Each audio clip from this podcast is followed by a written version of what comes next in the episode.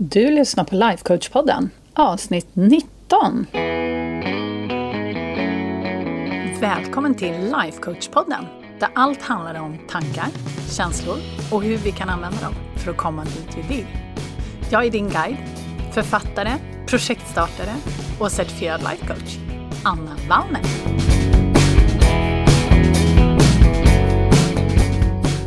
Men hej halloj och välkommen till podden den här helt fantastiska sommardagen. Jag vet ju såklart inte hur det är när du lyssnar på det här, men just nu så är det, ja, det är 30 grader varmt, det är helt fantastiskt. Solen bara dånar ner i backen. Så att, eh, ja, jag njuter, jag njuter.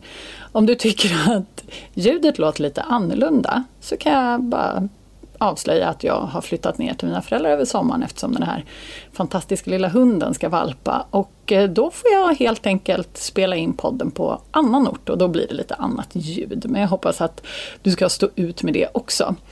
Och en sak till jag måste berätta bara innan vi kommer in på själva avsnittet för dagen. Det är att sen jag spelade in podden senast då har jag fått reda på att våran älskade lilla hund som sagt, hon väntar minst nio valpar. Alltså helt seriöst. Det var lite fler än vad jag trodde och kanske egentligen innerst inne hade hoppats på. Men eh, det kommer lösa sig. Vi löser det. Hon, hon verkar må hur bra som helst. Det är klart att det är jätte, jätte, jättevarmt och hon är ju så himla stor. Och när du lyssnar på det här då kommer hon med all säkerhet ha valpat redan. Och jag kommer också ihåg hur det var, för jag menar, jag var höggravid sommar 2014, jag kommer inte ihåg om du kommer ihåg, men det var sjukligt varmt när vår äldsta föddes i juli och hon hade ju inga kläder på sig liksom första månaden. Och ja, Jag kommer bara ihåg hur varmt det var. Jag satt i badkaret med kallt vatten upp till midjan för att mina ben var så svullna. Ja, ja, ja gravidhistorier, vi ska inte hålla på med det. Men men, jag vill i alla fall uppdatera er lite vad som har hänt på min front. Men det är inte hundar och graviditeter och så vi ska prata om idag, utan idag tänkte jag prata lite grann om känslan av otillräcklighet. Och det här kan ju inte kanske, det, här, det, det låter ju inte skitpeppigt. det får man ju erkänna. Men jag vet att det är jättemånga av er där ute som också lever med just den här känslan av otillräcklighet i en eller annan form. För att ni säger det till mig. det är därför jag vet det. Så att jag ville ge min version av det här för att ehm, det här är ju oftast liksom ingenting vi pratar så mycket om och det påverkar oss ju massor. Och det är en väldigt tärande känsla om man upplever under väldigt lång tid. Och jag brukade ha otillräcklighet som en mer eller mindre ständig följeslagare. Alltså jag, var, jag kände mig så otillräcklig, alltså så himla länge. Nu, nu ska jag verkligen säga att jag har inte gått runt i 42 år och känt mig otillräcklig hela tiden. Det är absolut inte det det är frågan om. Men det har varit en väldigt dominerande känsla från och till och eh, framför allt efter att barnen kom måste jag säga så var det väldigt, väldigt top of mind och ständigt närvarande. Men eh, numera så måste jag i ärlighetens namn säga att jag inte ens kommer ihåg när jag kände känslan senast, alltså just otillräcklighet. Och det här var någonting som slog mig. Och det var därför jag ville göra det här podcastavsnittet, för det är, det är en så sjukligt stor skillnad på mitt inre liv nu till vardags och alltså mitt vardagstillstånd. Nu när jag liksom slipper gå runt och känna mig, eller slipper, det låter himla knäppt, men nu när jag inte känner mig otillräcklig. Det var inte så att jag behövde gå runt och känna mig otillräcklig förut. Men jag gjorde uppenbarligen det. Ifall det är så att du är en av de här som går runt och känner dig otillräcklig så ja, då är det för dig jag har spelat in den här podcasten. För du behöver absolut inte vara så. Om jag kan ta mig ur det så kan du också, jag lovar. Men den här förändringen som jag har gjort som du förstår så är det någonting som har skett gradvis och det är ingenting som man bara knäpper på av som en lampknapp liksom. Men det var, jag tror att det var i vintras när jag pratade med min bästis Megan, ni vet hon nere i Australien som jag nämner, min coachkompis och eh, bästis på alla sätt och vis. Eh, och då satt vi och pratade om vilka känslor vi upplevde på en daglig basis innan vi började med vår första coach och vilka känslor vi har på en daglig basis nu. Och då tog jag upp just det här med otillräcklighet och, eh, och hon kände igen det så himla väl också. Men ja, vi var båda jätteöverens om att det är liksom inte ett problem längre. Vi känner liksom inte det längre. Nu kan inte jag tala för Migen, men för min del så har jag blivit coachad på det här igen och igen och igen. Alltså, det var min första coach som, som tog tag i det först och sen har det fyllts på med andra coacher genom åren som har fått hjälpa mig med exakt samma sak. Så det har ju inte liksom varit en quick fix men helt plötsligt så sitter man där och funderar lite på precis då som jag, ja men när var det faktiskt jag kände mig otillräcklig senast?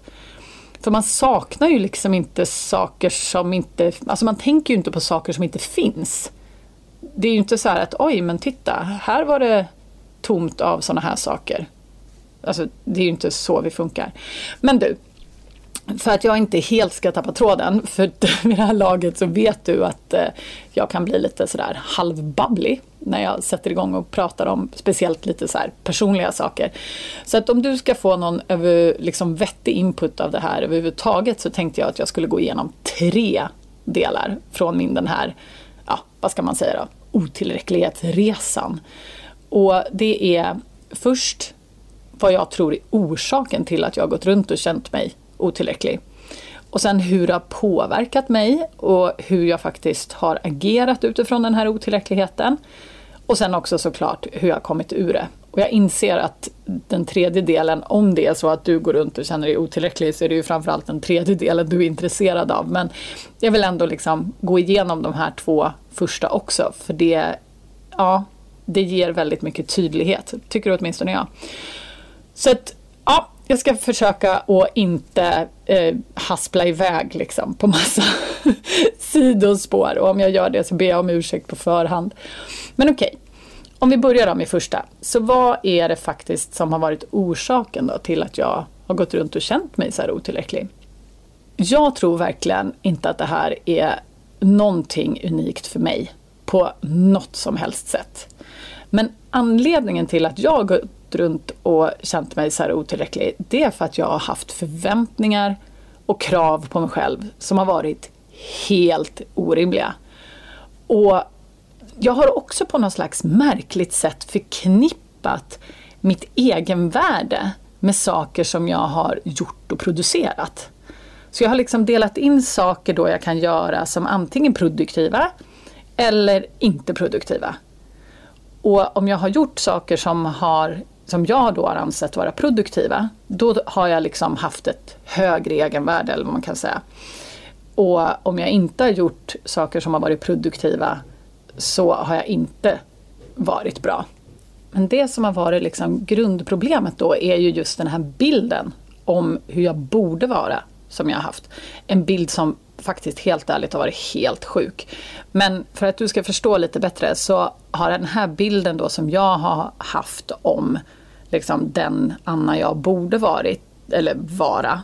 Det har varit liksom, det har varit en Anna som har ätit perfekt. Jag menar, vad är ens perfekt? Det är liksom helt sjukt.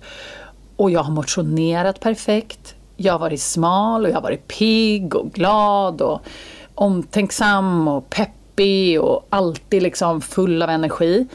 Och det här är också en Anna som aldrig höjer rösten till sina barn. Men som engagerar sig i allt liksom barnen gör och finns till för dem och finns till för alla andra. Och att jag är en fru som stöttar stöttar och finns till för min man och som alltid lyssnar och är närvarande och inte glömmer bort saker och alltid kommer ihåg vart allting ligger. Och dessutom så har den här versionen av mig också ett hem som alltid är rent och snyggt och stylat och där allting liksom har sin egen plats. Och i den här perfekta världen så har jag också perfekta rutiner. Och det som är så spännande är att jag bryter aldrig de här rutinerna heller. Och allt jag sätter på min kalender gör jag exakt liksom. Och enligt mitt schema, allting liksom funkar och bara liksom går som clockwork hela tiden. Och, alltså, jag skulle kunna fortsätta men jag, jag tror att du fattar poängen. Och eftersom jag haft den här bilden av hur allting borde vara och hur jag borde vara så har ju vägen dit tagit formen av en oändlig att göra-lista. Och det enda sättet för mig att, att nå den här bilden av mig själv, det var ju att göra alla de här sakerna på listan. Men det är ju i det här problemet ligger. För eftersom min lista hela tiden fylldes på av liksom ständigt tillkommande saker som var liksom byggstenar i min den här utopin, så kom jag ju aldrig fram. Det spelade ju ingen roll hur mycket jag gjorde. För det fanns ju alltid en röst som hela tiden gjorde mig uppmärksam på allting som jag inte hade gjort. Och där, kära du, det var ju där liksom otillräckligheten kom in. För det spelade ingen roll hur mycket jag gjorde. För det var ju aldrig tillräckligt. Och så kom liksom otillräckligheten som ett brev på posten.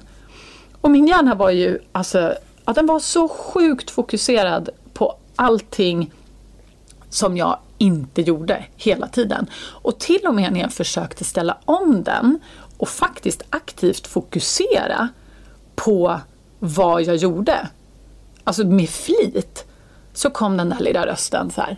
Ja, fast eh, du hade ju kunnat göra någonting mer.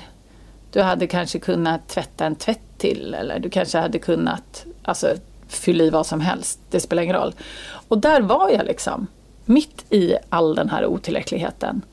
Och jag vill också påpeka att i allt det här så älskade jag mitt liv. Jag trodde liksom bara att det här med att känna sig otillräcklig liksom hela tiden, det var bara en del i livet och att det liksom var helt normalt. Och det är det som nu när jag liksom sitter och tittar tillbaks på det, så tycker jag att det är nästan det som är det läskigaste. Att jag trodde att det här var sant. Att liksom ständigt gå runt och känna mig otillräcklig. Att det bara var liksom en del av livet. Alltså nu så här i efterhand så är det ju bara, ja, det är bara så knäppt. Och jag inser att det här är en bild som jag har byggt upp. Det är någonting som jag ofrivilligt har förstärkt under hela min uppväxt. Och jag ser ju det här hos nästan alla kvinnor jag möter. Jag kopplade liksom mitt värde till det jag gjorde och hur produktiv jag var. Och hur jag kunde finnas till för andra. Och det var det liksom som byggde upp den här bilden jag hade av den här perfekta versionen av mig själv. Och även om du inte känner igen dig i det här så är vi ju jättemånga som antingen lever i det nu eller har levt i det. Och jag säger inte heller att den här känslan av otillräcklighet bara finns hos kvinnor. Absolut inte. Hör verkligen när jag säger det här. Det är absolut inte könsbundet. Och, eh, alltså, otillräcklighet kan vi ju såklart känna oavsett vad vi har för kön. Men eftersom jag är kvinna, och nu pratar jag om min upplevelse, och jag också vänder mig till kvinnor som grupp, det är liksom min målgrupp, så är det den gruppen jag liksom vänder mig till och pratar om nu. Så får någon annan ta hand om männen och deras otillräcklighet och alla andra som inte definierar sig som kvinnor. Men jag skyller ju jättemycket av de här perfektionistiska dragen på vår socialisering. Alltså vi får ju liksom de här perfektionistiska, den perfektionistiska inputen från ja, fler ställen än vad som är bra för oss. Men det kan vi prata om någon annan gång. Så att nu har vi i alla fall fastställt att jag hade en, enligt mig nu, en sjuk bild av vad jag borde vara och hur jag borde vara. Och just den här alltså inblicken i att eh, vetskapen om att det var det jag försökte göra. Jag försökte liksom nå den här bilden och trodde att det skulle få mig att känna mig liksom tillräckligt bra. Men då kan man ju fundera liksom lite på det, hur det här påverkade mitt liv. Och jag satt faktiskt och funderade såklart på det här innan jag skrev den här podcasten. Och till att börja med så var ju en grej att det fanns ju alltid saker att göra. Så jag försökte ju göra så mycket jag bara kunde av de här produktiva sakerna du vet. Och det kan jag också gå in på en jättelång lista vad som var produktivt och inte var produktivt. Men det behöver jag inte göra. Men det kunde ju vara liksom tvätta, jobba, motionera, alla möjliga saker. Jag hade en väldigt tydlig lista på vad som var produktivt och vad som inte var produktivt. Och alla de här försöken från min sida då att prestera hela tiden, det ledde ju till en enorm underliggande stress. För det fanns ju liksom alltid något mer att göra. Jag kunde alltid äta bättre, jag kunde motionera bättre, jag kunde planera bättre, jag kunde ha renare omkring mig, jag kunde vara gladare, jag kunde vara mer engagerad i barnen, jag kunde ha mer energi. Alltså, eh, listan blir ju oändlig. Och grejen var ju också det att eftersom jag hela tiden satte mitt värde i att producera saker, så när jag satte mig ner, eller typ tog ett bad eller gjorde vad som helst som inte fanns med på den här produktiva listan, då fick jag skuldkänslor. Det kom som ett brev på posten. Det var bara, det var automatiskt. Och också när jag gjorde saker som inte gick i linje med mitt perfekta jag, som jag tyckte då att mitt perfekta jag borde göra, eller snarare inte göra, så att om jag, vad ska jag säga, typ åt glass eller inte höll mitt träningsprogram eller något i den stilen. Ja, men då började jag ju omedelbart slå på mig själv eftersom jag tyckte att jag hade dålig karaktär. Alltså du kan ju förstå vad jag höll på. Det här är nästan det absolut värsta som jag kommer till nu. För att när jag dessutom då, i all min den här totala förvirringen, kunde se någon annan som gjorde någonting, och här kan du ju höra då min make, för det var ju väldigt mycket det. Om jag kunde se honom typ ligga och vila eller göra något som han tyckte var kul. Eller, det spelade egentligen ingen roll vad det var han gjorde. För att om det var så att det han gjorde fanns på min lista av saker som inte var produktiva. Då blev jag irriterad. Och så tyckte jag att han var självisk. Och så satte jag på mig off offerkoftan. Och alltså jag kan tala om att jag hade den där offerkoftan på mig. Gisses Amalia. Det var ju ett av mina absolut favoritplagg. Jag tror att jag ska skriva en bok någon gång som heter typ off offerkoftan, varje säsongs mest osexiga plagg eller något sånt där. Det är helt, ja, strunt samma. För grejen var det att när jag såg honom göra de här sakerna då som jag klassificerade som, ja, som oproduktiva, då liksom så började rösten inombords bara, ja, här går jag och sliter och tvättar och donar medan han Ja, där kan vi ju fylla i liksom vad som helst, för det spelade ju faktiskt ingen roll vad det var han faktiskt höll på och gjorde egentligen. Men vem var det som hade byggt upp den här perfekta bilden av hur allting borde vara? Ja, inte var det stackars Andreas i alla fall. Det var ju, han hade ju ingenting med det att göra. Och det är det här som jag nu tycker så här efterhand, att det är så jobbigt. För inte nog med att jag tittade på Andreas och allt han gjorde och tyckte att han var så oproduktiv, vilket absolut inte var sant. Och i mitt huvud så beskyllde jag honom för att jag kände mig som ett offer.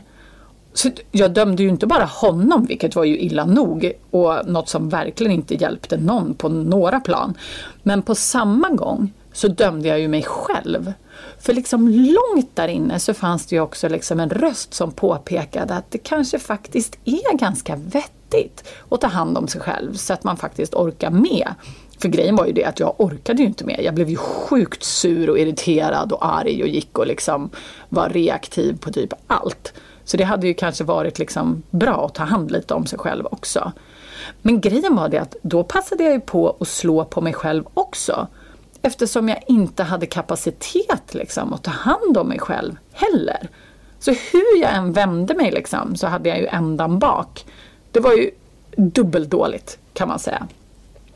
Så att ur liksom den här otillräckligheten som jag helt själv hade byggt upp med min egen händigt hopsnickrade bild av hur jag borde vara och hur alla tingens tillstånd borde vara så kom ju känslor av stress, oförrätt, oginhet, ilska, bitterhet, alltså den här charmiga offerkoftan återigen, och irritation. Men liksom, det som kanske är lite mer förvånande är ju också att det kom jättemycket skam och skuld också över hur jag kände.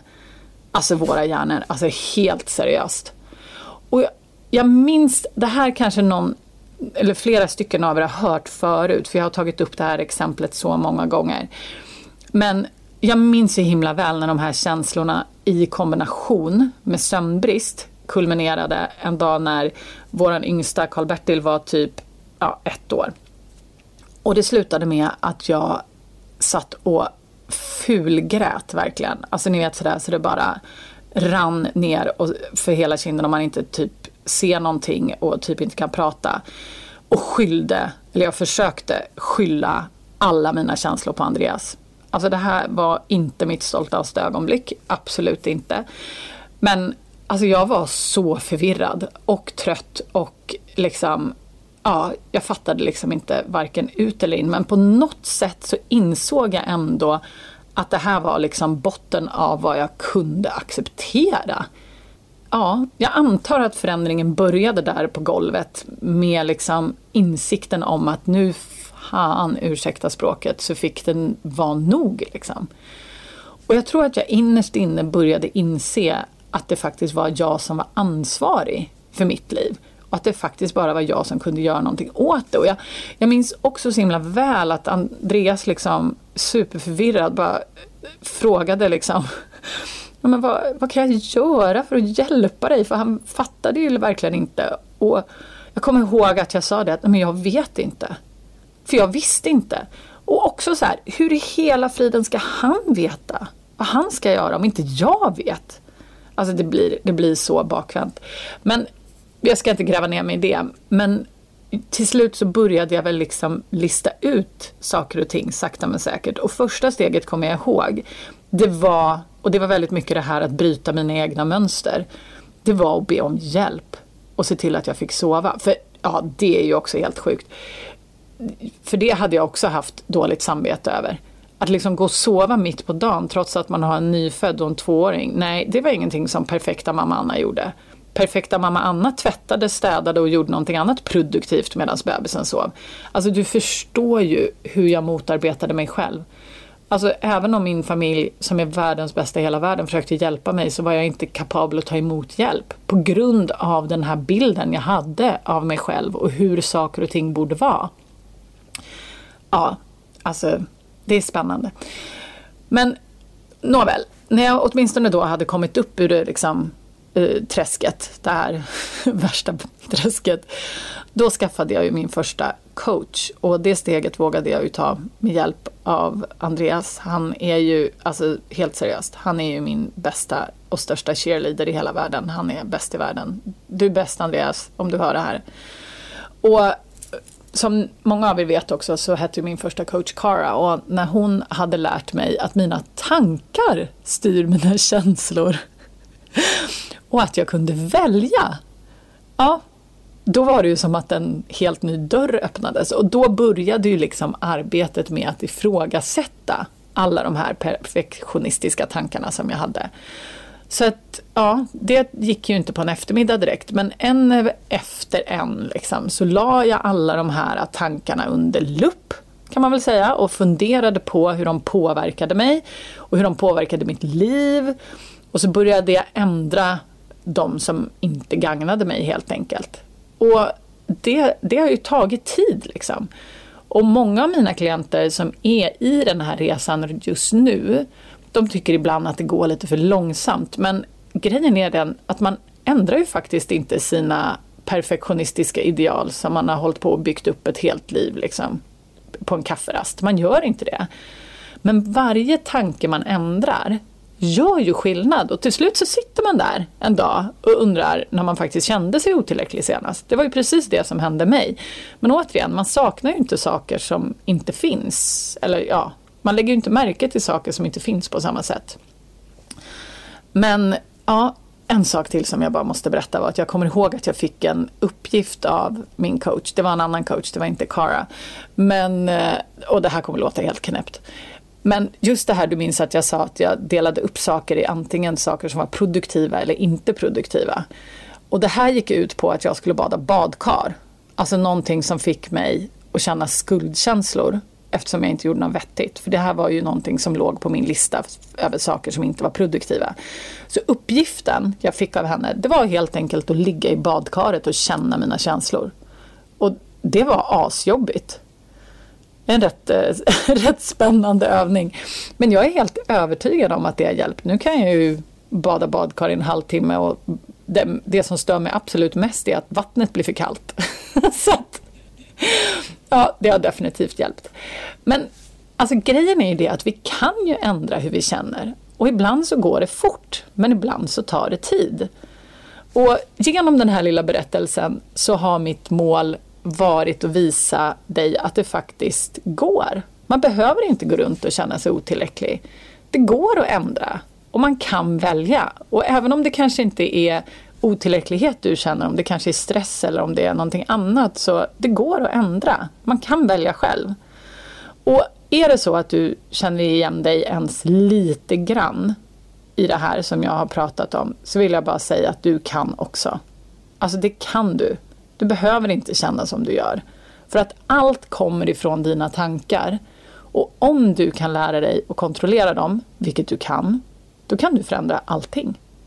Så att om du vill börja förändra hur du tänker och hur du känner just i det här avseendet, då är mitt förslag att du börjar ifrågasätta den här bilden som du har, helt säkert, om hur du tycker att du borde vara. Och saker du borde göra. Alltså ordet borde, helt seriöst. Så ta dig en titt ordentligt och sen så funderar du på om den där bilden som du försöker uppnå faktiskt gagnar dig. Om den nu får dig att känna dig på det sättet som du faktiskt gör nu. För att det kanske faktiskt är så att du skulle må gott av att ändra lite på den där bilden. Och jag talar ifrån erfarenhet när jag säger att det är så underbart och leva utan stress och otillräcklighet. Det är fantastiskt skönt att inte skylla sina känslor på någon annan. Och det är så befriande att veta att ingen annan kan få mig att känna någonting överhuvudtaget, för det måste gå igenom min hjärna först. Om du känner att du skulle vilja skapa förändring, kanske till och med på fler plan än just det här, eh, och att du skulle vilja ha lite praktiska verktyg och någon som guidar dig i hur man faktiskt skapar den här förändringen, då tycker jag absolut att du ska gå upp på min hemsida och se hur vi kan jobba ihop. Eller leta reda på en annan coach. Du behöver ju inte jobba med mig för guds skull. Det är bara att googla. Det finns hundratusen bra coacher, kanske inte så många, men det finns många i alla fall. Men om du vill få tag på mig, då surfar du bara in på annavallner.se och så tittar du högst upp i menyn. För att där har jag alltid de aktuella sätten som man kan jobba med mig. Jag hoppas ju såklart att du tar hjälp så att du kan skapa den förändring du söker. Antingen av mig eller någon annan. För att det är du så himla värd. Men tills dess att vi får ses lite mer personligt, eller kanske inte alls, så, så får jag bara önska dig en super, super härlig dag och vecka. Puss och kram!